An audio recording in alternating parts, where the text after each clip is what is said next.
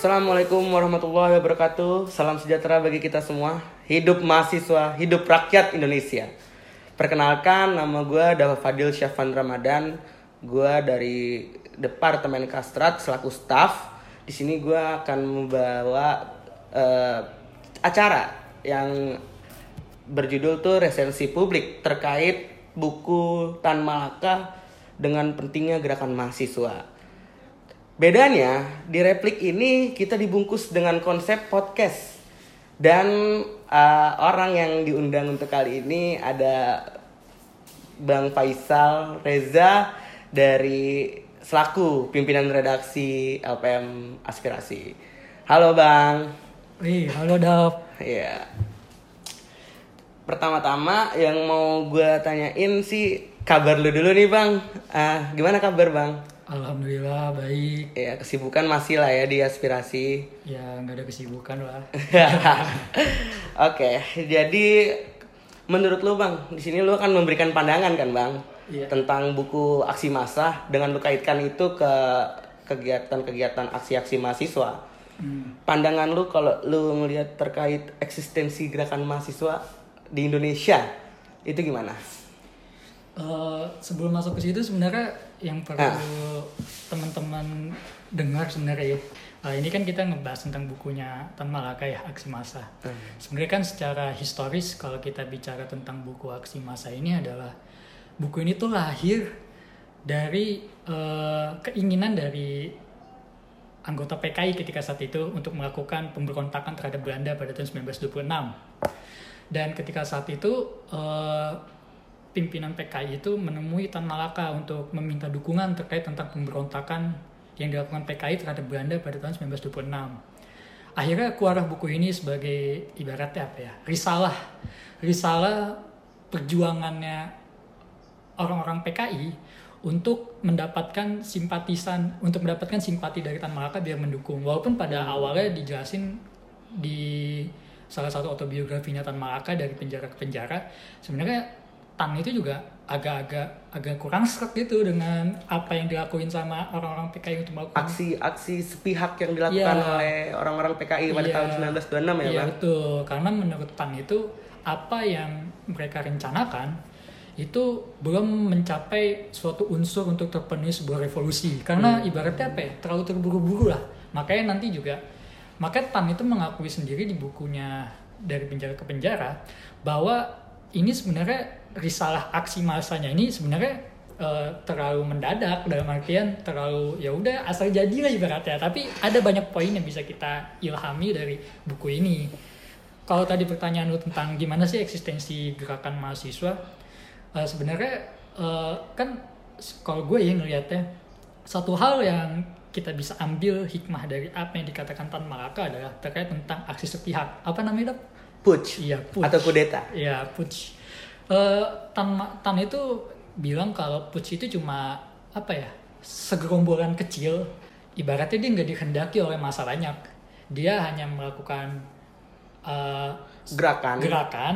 Tapi gerakan itu juga nggak nggak memenuhi apa kehendak masa. Jadinya cuma cuma cuma gitu-gitu doang. Dan da- datangnya mungkin itu dari keinginan-keinginan segelintir pihak itu tidak men- tidak apa ya tidak menginterpretasikan keinginan-keinginan massa mungkin begitu ya bang? Iya, karena eh, ini ya gue gue kutip ada satu hal yang dibilang sama Tan Malaka bahwa saat segerombolan tukang putsch ini yang melakukan aksi, Eh. mas masa itu tidak akan memberikan pertolongan kepada mereka, bukan karena masa rakyatnya ketika saat itu bodoh atau tidak memperhatikan situasi yang tengah terjadi, tetapi ya karena orang-orang ini yang melakukan putsch ini hanya berjuang sendiri-sendiri tanpa lihat dari perspektif kebutuhan yang terdekat dengan kepentingan masa banyak seperti baik itu kepentingan ekonomi, politik, sosial dan lain sebagainya.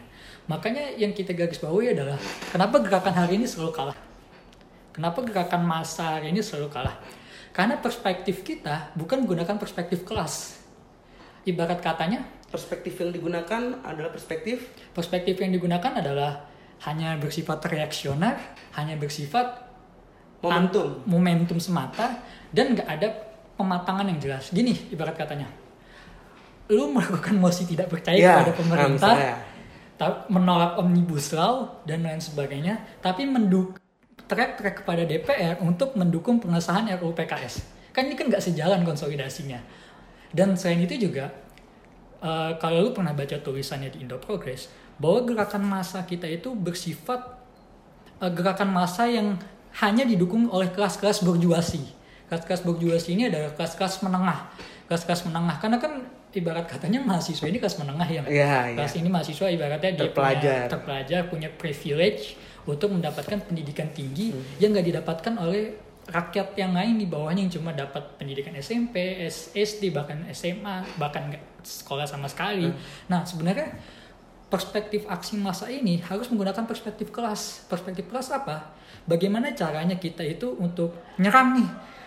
Kan gitu kalau kita berbicara aksi massa berarti kan kita mau menghancurkan sistem kapitalis misalkan. Men- Menyerang. menyerang sistem kapitalis, menyerang eh, orang-orang yang ada di rintar kekuasaan. Tingkat kekuasaan. Siapa yang paling berpengaruh? Misalkan buruh. Buruh ketika kita libatkan dalam perspektif aksi massa, dalam perspektif kelas, maka dia itu bakal dirasakan dampaknya. Kenapa? Karena nih ketika buruh misalkan melakukan pemogokan, itu jantung perekonomian bakal lumpuh. Alat-alat produksi yang saat itu dikuasai oleh kepentingan-kepentingan kapital akan runtuh. Itu yang nggak kita itu yang nggak kita pernah bayangkan sebelumnya cuma turun ke jalan terkonsentrasi pada satu tujuan satu tujuan dalam artian kita nih ayo geruduk geruduk geruduk istana geruduk DPR ya udah habis geruduk geruduk gitu udah selesai kagak ngapa-ngapain lagi padahal Tang itu bilang kalau sebenarnya gerakan-gerakan aksi massa itu nggak bisa cuma dilakuin gitu-gitu doang Hmm. kita bisa lakuin dengan cara pemboikotan iya nggak makanya mahasiswa itu nggak bakal bisa eksis nggak bakal bisa menang kalau mahasiswa itu nggak ngelibatin buruh, nggak ngelibatin petani, nggak ngelibatin elemen-elemen rakyat lainnya. Karena Unsur masyarakat. musuh-musuh masyarakat lainnya. Karena yang paling penting adalah kita menggunakan perspektif kelas untuk em, menghancurkan lah ibaratnya Ah. untuk menyerang jantung-jantung perekonomian, jantung-jantung kekuasaan dan sebagainya. Tadi yang menarik pas lu bilang kita tuntut atau mosi tidak percaya nih terhadap DPR, tapi di sudut pandang lainnya ada kita juga yang nuntut untuk disahkan RUU PKS untuk DPR. Itu menarik menurut gua. Lalu kalau dari lu, apa yang memang harus kita lakukan sebagai mahasiswa agar semua keadilan itu terjadi tapi kita tetap tidak maksudnya apa ya? Kalau lu bilang tadi mesti tidak percaya dan satu lagi tapi kita percaya dengan menyuruh dia untuk mengesahkan. Artinya kan adanya ketidak Kontradiktif. Iya kontradiktif. Nah itu apa yang harus kita lakukan sebagai mahasiswa bang? yang yang kita lakuin adalah harus memperkuat konsolidasi gerakan antar rakyat. Ibarat katanya kita susun dulu nih konsolidasi apa. Ibarat katanya lebih baik kita itu aksinya itu dalam artian kita konsepin dulu nih yang matang seperti apa. Apakah kita memang memilih untuk turun ke jalan, apakah kita memilih untuk melakukan pemboikotan, ataukah kita memilih untuk melakukan segala hal, baik itu pemboikotan, baik itu uh, turun ke jalan, uh, menghentikan jantung-jantung perekonomian dan lain sebagainya. Yang paling penting adalah kalau menurut gue ya, kita perkuat konsolidasi dulu di awal. Konsolidasi di awal maksudnya jangan gini, karena kan kebanyakan kan yang terjadi adalah kalau misalkan nih, lu aksi omnibus law, aksi Hmm. omnibus law. Iya. Besok ada aksi lagi misalkan RKUHP. RKUHP Ah. misalkan. Itu kan konsolidasi lagi, konsolidasi ulang, konsolidasi ulang. Kenapa kita nggak langsung tak tak tak tak? Maksudnya rencana ini. Ayo Planning untuk jarak yang lebih jauh. Iya Ya. betul. Karena kalau karena menurut gue ketika kita hanya tentang reaksioner semata, hanya ingin momentum semata, itu itu susah banget untuk menang. Kenapa? Sekarang gue pengen nanya sama lu. Kenapa ketika momen 98 mahasiswa bisa menang? Apakah itu murni ke- apakah itu murni emang gerakan mahasiswa? Itu dia merupakan akumulasi kalau dari gue. Karena itu kan terjadi 97 itu krisis moneter. Ah. Dari krisis moneter itu mahasiswa-mahasiswa mulai malah yang saya, yang gue tahu tuntutan pertama itu menurunkan harga. Karena mereka merasa bahwa harga-harga untuk kebutuhan masyarakat itu sangat mahal pada tahun 97. Tapi karena tuntutan masyarakat tidak didengar, maka dari turunkan harga itu turunkan Soeharto. Nah, iya, eh, itu kan maksudnya intinya Punya terstrukturnya lebih jauh kalau dari Nah, 97 sampai nah, 98 itu. Yang yang mau gue point off adalah, yang mau gue garis bawahi adalah bahwa sebenarnya kita nggak usah terlalu mengglorifikasi mahasiswa, mahasiswa agent of change, agent perubahan, mahasiswa itu dan lain-lain sebagainya. Kita tuh nggak bisa bergerak tanpa kehendak rakyat banyak. Hmm. 98 kita bisa menang karena saat itu krisis ekonomi. Kalau seandainya nggak krisis ekonomi nggak mungkin 98 terjadi. Karena ketika saat itu bahkan Bank Dunia dan Hmm, IMF IMF. pun sudah merestui bahwa Soeharto harus turun. Kenapa? Karena terlalu banyak campur tangan negara di dalam situ. Hmm. Situ terjadi terjadi paradigma pemikiran dari Bank Dunia ataupun dari IMF bahwa sekarang tuh negara nggak usah terlibat terlibat lebih jauh dalam ter- terhadap kehidupan ekonomi. Karena itu memang ciri khas sistem liberal harus swasta yang dimasuk. Akhirnya IMF dan Bank Dunia itu nggak menyetujui lagi soal agen-agen kapitalis pun tidak Betul, setuju. tidak setuju. Karena karena itu ibarat katanya kalau kita bicara 98 itu nggak murni kemenangan mahasiswa. Bahwa mahasiswa juga di- diimplementasikan dengan unsur-unsur masyarakatnya juga. Bahwa kan Iya. kondisinya lagi krisis moneter. iya betul, Betul, Dan ya. kayak gitu intinya lah Berarti eksistensi ke aksi mahasiswa untuk saat ini menurut abang belum terlalu maksimal lah ya. Perlu suatu konsolidasi yang lebih panjang lagi. Iya. Perlu parameter-parameter untuk tetap bisa jalan sesuai dengan arahan. Tuh, karena itu yang digunakan harusnya perspektif kelas. Makanya kan kalau kita bicara sebenarnya itu kalau berbicara aksi pasti kan kita harus nggak jauh-jauh dari perspektif kelasnya Hmm. Karl Marx ya. Gak, nggak ditangkap kan deh. Ya, nggak apa-apa. Karena kita berbicara perspektif Eh, kelas, kita kan akademis. Iya. Debat apa diskusi akademis. diskusi. Karena kita harus berbicara perspektif kelas. Ada ada ada kelas kelas pemilik modal berjuasi Iya. dengan kelas proletar. Mereka yang eh, apa ya? Cuma dihisap tenaga kerjanya untuk membantu untuk pengakumulasian modal. Nah, kita harus memberdayakan mereka-mereka yang berada di sistem proletar ini, berada di kelas proletar untuk ikut menghancurkan sistem kelas tadi. Jadi kan ibarat katanya ketika buruh ini, ibaratnya buruh ini kan kita proletar ya. Lalu juga proletar. Hmm. Iya. Kita nanti juga- kita kan nggak punya alat produksi, kita nggak punya alat produksi, kita nggak punya alat produksi, kita nggak punya apa, kita cuma Iya. hisap tenaga kerja kita. Eh, doang. benar. Ketika mereka itu diberdayakan untuk melakukan pemogokan, untuk melakukan uh, pemboikotan dan Pemboikotan. lain sebagainya, ya itu bakal lebih lebih ngena. Makanya Efektif. mahasiswa lebih efektif. Dan mahasiswa tuh harus harus melibatin. Nggak nggak nggak usah lah kita jadi mahasiswa yang eksklusif harus mahasiswa mau sendiri-sendiri bahkan sekarang pun gue memikirkan bahwa kenapa kita nggak coba melepas almet kita gitu Ah, kita untuk untuk membersamai. dengan mahasiswa, untuk bersama dengan gerakan-gerakan rakyat lainnya kita nggak usah pakai almet ki- buruh nggak usah pakai baju serikat buruh kenapa kita nggak mencoba gerakan-gerakan di Taiwan misalkan Hmm. Kayak gimana tuh, di? Taiwan di, Hong Kong Oh ya Hong Kong ya. di Hong Kong Ah. mereka turun siapa pun pakai baju biasa di Thailand mereka juga menentang rezim otoritarian ketika saat itu juga turun nggak pakai almet almet nggak pakai baju bajuan di Myanmar pun Myanmar sama juga. seperti kayak gitu itu menunjukkan bahwa kita udah nggak ada sekat sama sekali kita udah nggak ada sekat sama sekali Eh, ibarat katanya eh, salah satu hal eh salah satu unsur terpenting dari tercapainya revolusi terjadinya terjadinya perubahan sosial adalah mereka-mereka yang berada di sistem kelas, berada di sistem-sistem perekonomian. Siapa mereka? Buruh. Maka kita harus melibatkan buruh untuk melakukan pemboikotan, eh, penggerudukan pabrik misalkan, penyerangan-nyerangan bandara dan lain sebagainya. Karena sejarah membuktikan bahwa pemboikotan itu paling efektif. Paling efektif. Satyagrahanya Mahatma Gandhi ketika tahun 1947 melakukan pemboikotan terhadap garam kolonialisme Inggris bisa menang. Itu dicontohkan oleh Tan Malaka. Lalu pada awal abad ke-18 tahun 1791, Inggris menghapuskan sistem perbudakan dengan melakukan pemboikotan terhadap pabrik gula. Mereka bisa menghapuskan sistem perbudakan karena mereka melakukan pemboikotan terhadap pabrik gula. Banyak contoh-contoh pemboikotan yang bisa kita lawan dan kita bisa menang. Nggak cuma dengan turun ke jalan doang. Menurut gue kayak gitu. Iya, terhitung ibaratnya kalau kita aksi di jalan tanpa ada langkah yang nyata, itu Iya. juga percuma. Cuma banget. Cuma banget. Jadi kalau menurut sejarah-sejarah aksi massa di dunia juga udah membuktikan hal itu bahwa ma- masa mahasiswa kalau tidak disertai dengan unsur masyarakat Iya, tidak betul. mengimplementasikan bahwa dia adalah Iya, gerakan. betul. Betul. Kalau dari lu sendiri, Bang, kalau ngelihat nih aksi-aksi mahasiswa tapi masih banyak yang berbeda arah.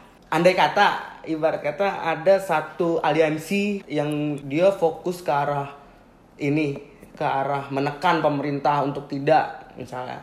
Ada lagi suatu himpunan mahasiswa yang malah mendukung program-program pemerintah. Nah hal ini tuh gimana sih kita ngatasinnya atau enggak kita hadepinnya aja deh situasi kayak gini gitu. sebenarnya itu kan jadi suatu yang sunatullah maksudnya sunatullah adalah Takdir.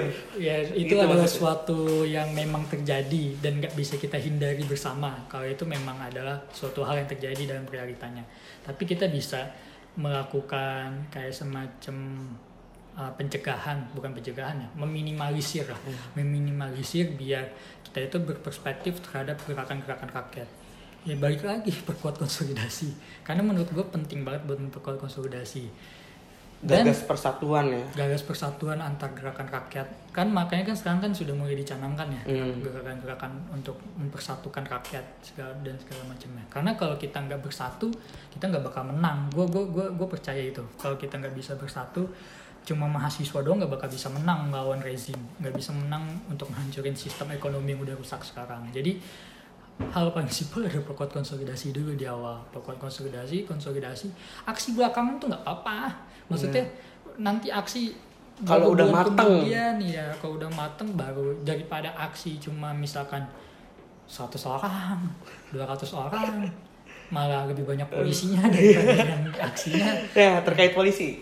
iya aksi massa uh, mungkin kita nggak bisa sebut pemerintahan sekarang itu eh mungkin bisa kita sebut pemerintahan sekarang itu anti kritik karena kalau gue sendiri ngelihatnya ya aksi massa tuh bener-bener direpresif bang. Bahkan kemarin uh, yang aksi May Day polisi uh, atau aparat dia ngeklaim bahwa mahasiswa nggak boleh ikut May Day.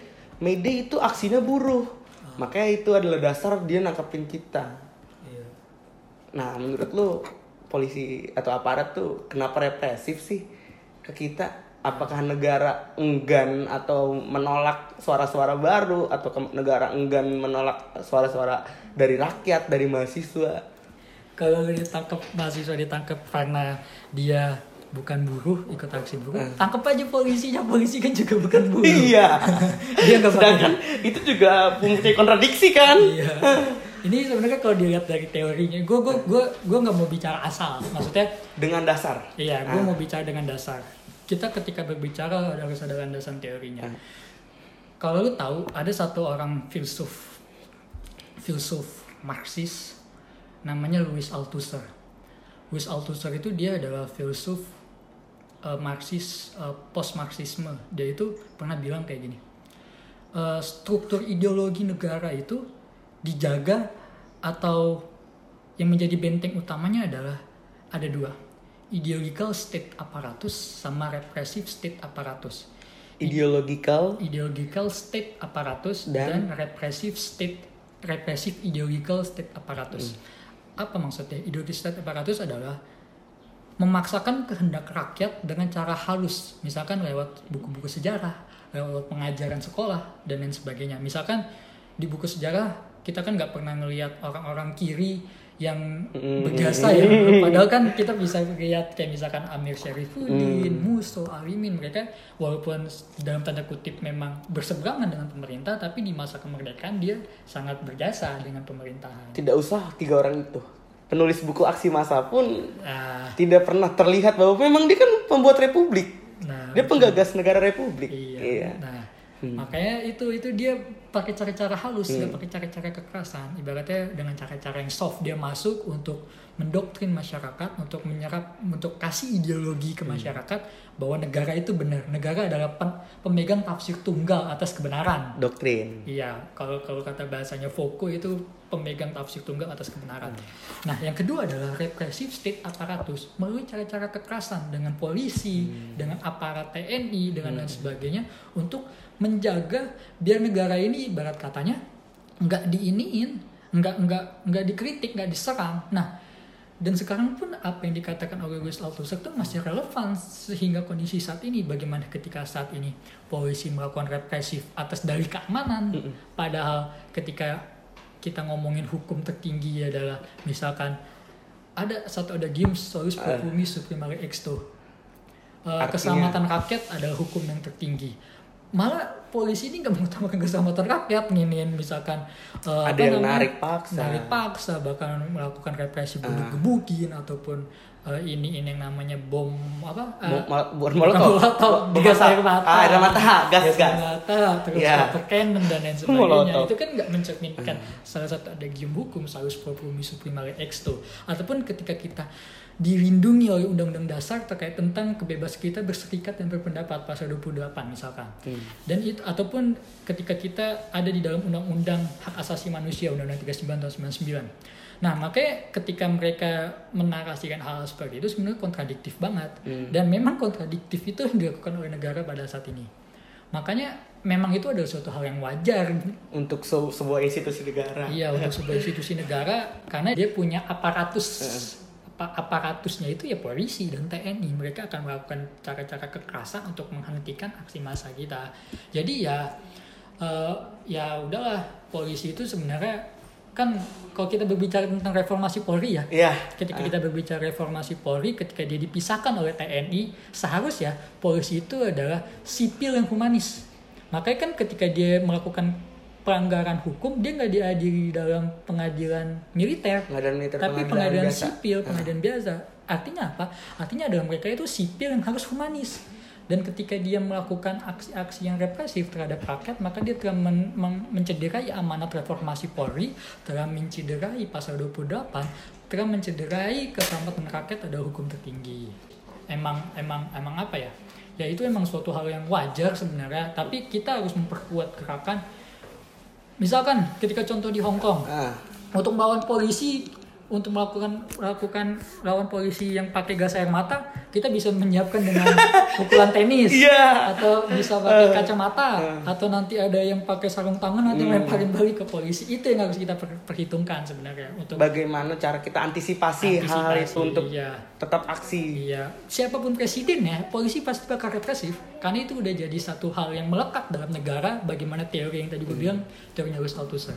Salah satu caranya adalah untuk bagaimana kita mengurangi Represivitas. represivitas biar dia nggak terlalu makin main Iya. semena-mena sama gimana. Yang gue kadang miris adalah aksi mahasiswa itu kan udah berdasar pada undang-undang menyampaikan pendapat. Hmm. Bahkan di pasal 28 udah jelas dari A sampai J. Itu udah jelas semuanya. Tertera, konkret. Tapi kenapa negara tetap melakukan itu? Itu yang kadang gue miris. Bahkan bawa undang-undang kekarantinaan kesehatan Iya. yang kadang jadi sebagai alat pembungkam kalau menurut gue ya Iya. opini. Nah, kalau dari lu sejarah aksi massa, aksi mahasiswa lah. Di Indonesia kan udah terhitung top chair. 66 Soekarno lengser. 98 eh, Soehartonya lengser. Kalau di sekarang ini, di masa ini, mungkin bisa kita katakan dari masa pemerintahan SBY, masa pemerintahan Presiden Joko Widodo, adakah keberpengaruhan aksi mahasiswa terhadap pemerintahan atau berjalannya sebuah pemerintahan? pasti berpengaruh karena ibarat katanya eh, nggak cuma mahasiswa sih gerakan yang lain kayak buruh petani LSM dan lain sebagainya ada pengontrol kekuasaan ya Hmm. pengontrol kekuasaan yang ada di balik di luar pemerintahan tapi poinnya adalah kita terlalu mengglorifikasi Glorifikasi. mengglorifi- mengglorifikasi Membanggakan. maksudnya membanggakan dan melebih-lebihkan bahwa mahasiswa itu bisa melakukan perubahan itu itu bahaya banget T- Tadi poinnya itu lu nggak mau bahwa itu statement ada ya? yang mana? Statement mahasiswa sebagai agent of change. ya mungkin ada tapi kita nggak bisa bergerak secara Hmm. sendirian makanya kita nggak perlu lah mengglorifikasi segala hal kayak gitu makanya kan sejarahnya juga gini 66 kenapa Soekarno bisa lengser karena isu PKI Isu PKI. Iya kan? Isu G30S G30S yang nggak pernah dibawa sama pidato Hmm, Nawaksara dan lain-lain lah. iya. Makanya kan ketika saat itu kan ada terjadinya konsolidasi antara fraksi militer dengan fraksi mahasiswa. Hmm. tapi akhirnya mahasiswa juga kecolongan. Akhirnya fraksi militer malah yang megang eh, Soeharto dan kroni-kroninya kalah juga kita. Walaupun ngeruntuhin tapi kita kalah. 98 adalah konsolidasi antara militer dengan mahasiswa nggak mungkin loh mahasiswa bisa nerobos gedung DPR Iya benar. percaya sama gue Iya benar. kalau kita nggak kalau militer nggak merestui kita untuk meruntuhkan Soeharto ya karena saat itu Soeharto udah nggak dapet kepercayaan dari militer Gue pernah baca tentang buku kesaksian di balik badai tahun 98. Itu bukunya Wiranto. Dia memberikan pernyataan terkait aksi mahasiswa di tahun 98 ada campur tangan ABRI untuk mengakomodasi mereka. Eh, memang bang. Iya, karena emang ibaratnya udah selalu udah gak dapat kepercayaan lagi dari siapa pun, baik itu militer, politisi, bahkan tokoh agamawan waktu saat itu dipanggil kayak Gus Dur. Hmm. Kan waktu itu ada beberapa tokoh yang dipanggil, dipanggil ada Gus Dur, ada. Mega. Majid. Mega kan politisi, ya ada tokoh-tokoh aga- agamawan. Oh iya. Terus ada eh, Cak Nur. Hmm. Banyak lah pokoknya dan dia juga udah pada nolak juga. Kalau misalnya aksi massa yang di dalam buku kan Tan Malaka menawarkan oleh sebab rakyat tidak memiliki kekuatan politik. Hmm. Kalau dilihat dari sekarang ini masa-masa ini rakyat punya kekuatan politik gak sih bang? Gue enggak. Karena rakyat saat ini kan eh, kenapa nggak memiliki kekuatan politik? Karena institusi partai politik kita itu udah korup pertama.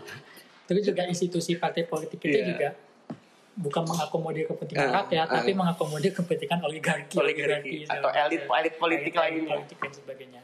Makanya kan alternatifnya adalah alternatif sekarang adalah gerakan rakyat ingin membentuk suatu partai politik Mm-mm. ya kan gue juga nggak terlalu mendalami sih tapi mungkin menjadi suatu hal yang bisa kita lakukan bahwa ketika kita bisa mengkonsolidasikan gerakan rakyat untuk membentuk partai politik mungkin kita bisa merubah sistem ya walaupun juga ibarat katanya orang-orang aktivis yang pada masuk ke partai juga keok-keok juga kan. Iya. mungkin mungkin akan beda. Kita gue gue nggak tahu karena gue juga bukan cenayang ya.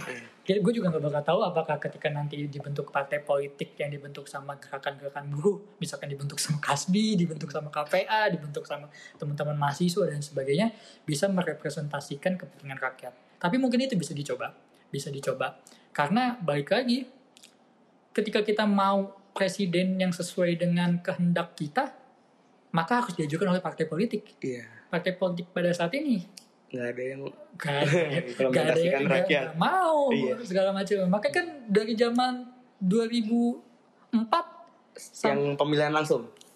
Eh Prabowo dari kapan sih? Dari 2009. dari 2009 Wah. 2009 2014 2019 Prabowo lagi 2024 kayak Prabowo lagi Kayak nggak ada yang lain ya bang? nggak ada yang Iya. lain ya karena ya karena itu karena mereka itu bukan men- me- mengakomodir kepentingan Rakyat kepentingan sebanyak-banyak. rakyat banyak tapi mereka mengakomodir kepentingan kepentingan elit kepentingan kepentingan mereka yang punya modal banyak dan lain sebagainya makanya Hmm. mungkin menarik untuk dicoba kita membentuk partai politik atau membentuk blok politik Poros. poros politik Nah. kita membentuk poros politik ataupun kita bisa bikin ini mungkin agak-agak anarki ya maksudnya Iya. agak-agak Gimana tuh anarkinya bang? bukan bukan anarki dalam artian vandal ya, Ya. bukan maksudnya adalah kita nggak mengakui eksistensi negara, tapi kita bikin lembaga tandingan, misalkan kayak dewan dewan rakyat Mm-mm. ataupun kayak misalkan pemerintahan tandingan dari rakyat segala macam. Contohnya apa? Contohnya adalah Komuni Paris.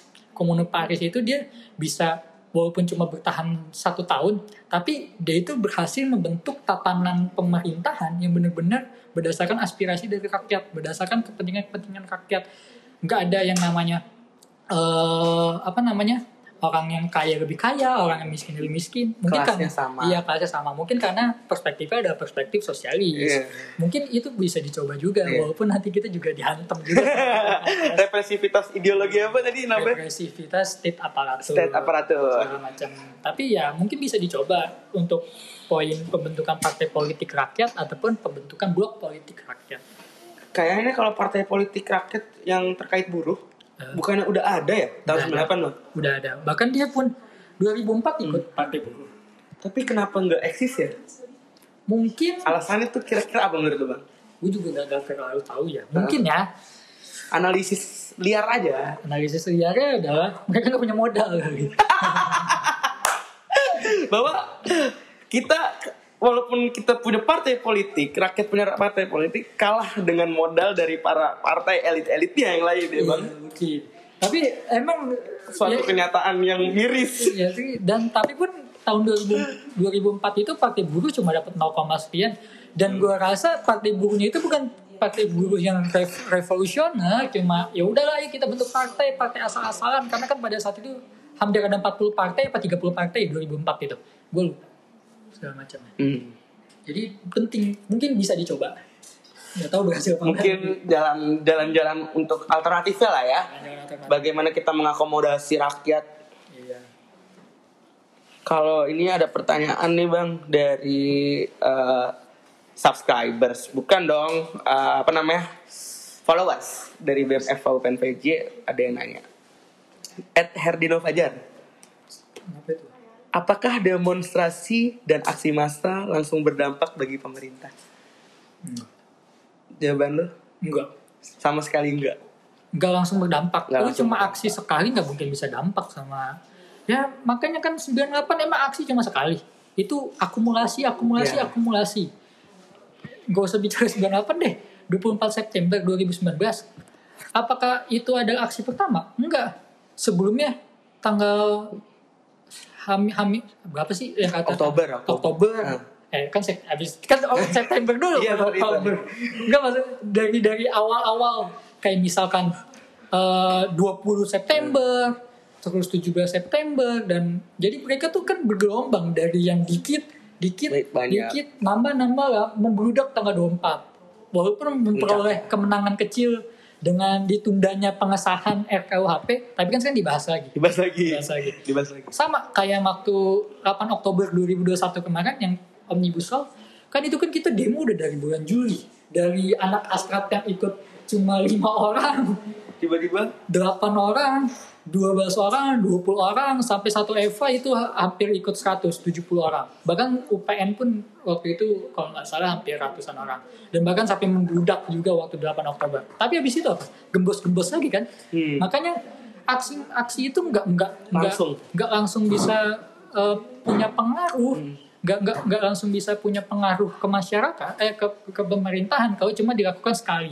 Maka yang penting adalah konsolidasi, konsolidasi, konsolidasi, dan konsolidasi salah satu kritik gue adalah kenapa kita nggak coba aksi di semua tempat Hmm. jangan terkonsentrasi di istana negara misalkan lu aksi di di pelabuhan lu aksi di di bandara, bandara. contoh ya Habib Rizik pendukung Habib Iya. Rizik itu Ke bandara. ke bandara itu lumpuh sistem ekonominya bandara itu sampai rugi beratus-ratus miliar bahkan orang-orang pun pada minta refund dan segala macam itu menyerang alat vital nggak cuma di dalam satu skup Gedung pemerintahan. satu skup pemerintahan tapi mereka menyebar itu Tadi lu mention terkait RKUHP.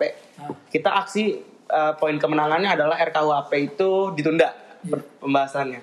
Tapi begini kritik gue bang dan pertanyaan gue, kenapa saat itu kita berhasil mendapatkan kemenangan ditundanya RKUHP, kita sebagai mahasiswa tidak mengawal dengan ketat pembuatannya lagi atau previsiannya lagi, karena, malah tiba-tiba draftnya sama. Kira-kira kenapa tuh karena terlalu mengkultuskan individual. Maksudnya mengkultuskan pemimpin.